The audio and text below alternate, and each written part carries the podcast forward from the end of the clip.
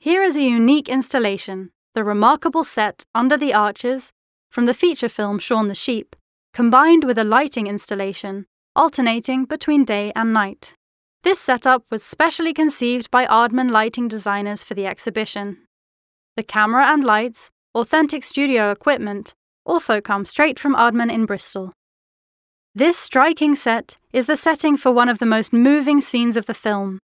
The projection above allows to better understand the fundamental importance of light moving across the characters' bodies, as well as the differences in proportion between the puppets' sizes and their appearance on screen. Lost in the big city, Shaun and his friends find refuge under the arches of this bridge. Split between melancholy and camaraderie, they reminisce about their lives on the farm and sing a cappella. The wide range of all these emotions is subtly reflected by the variations in light, going from day to night.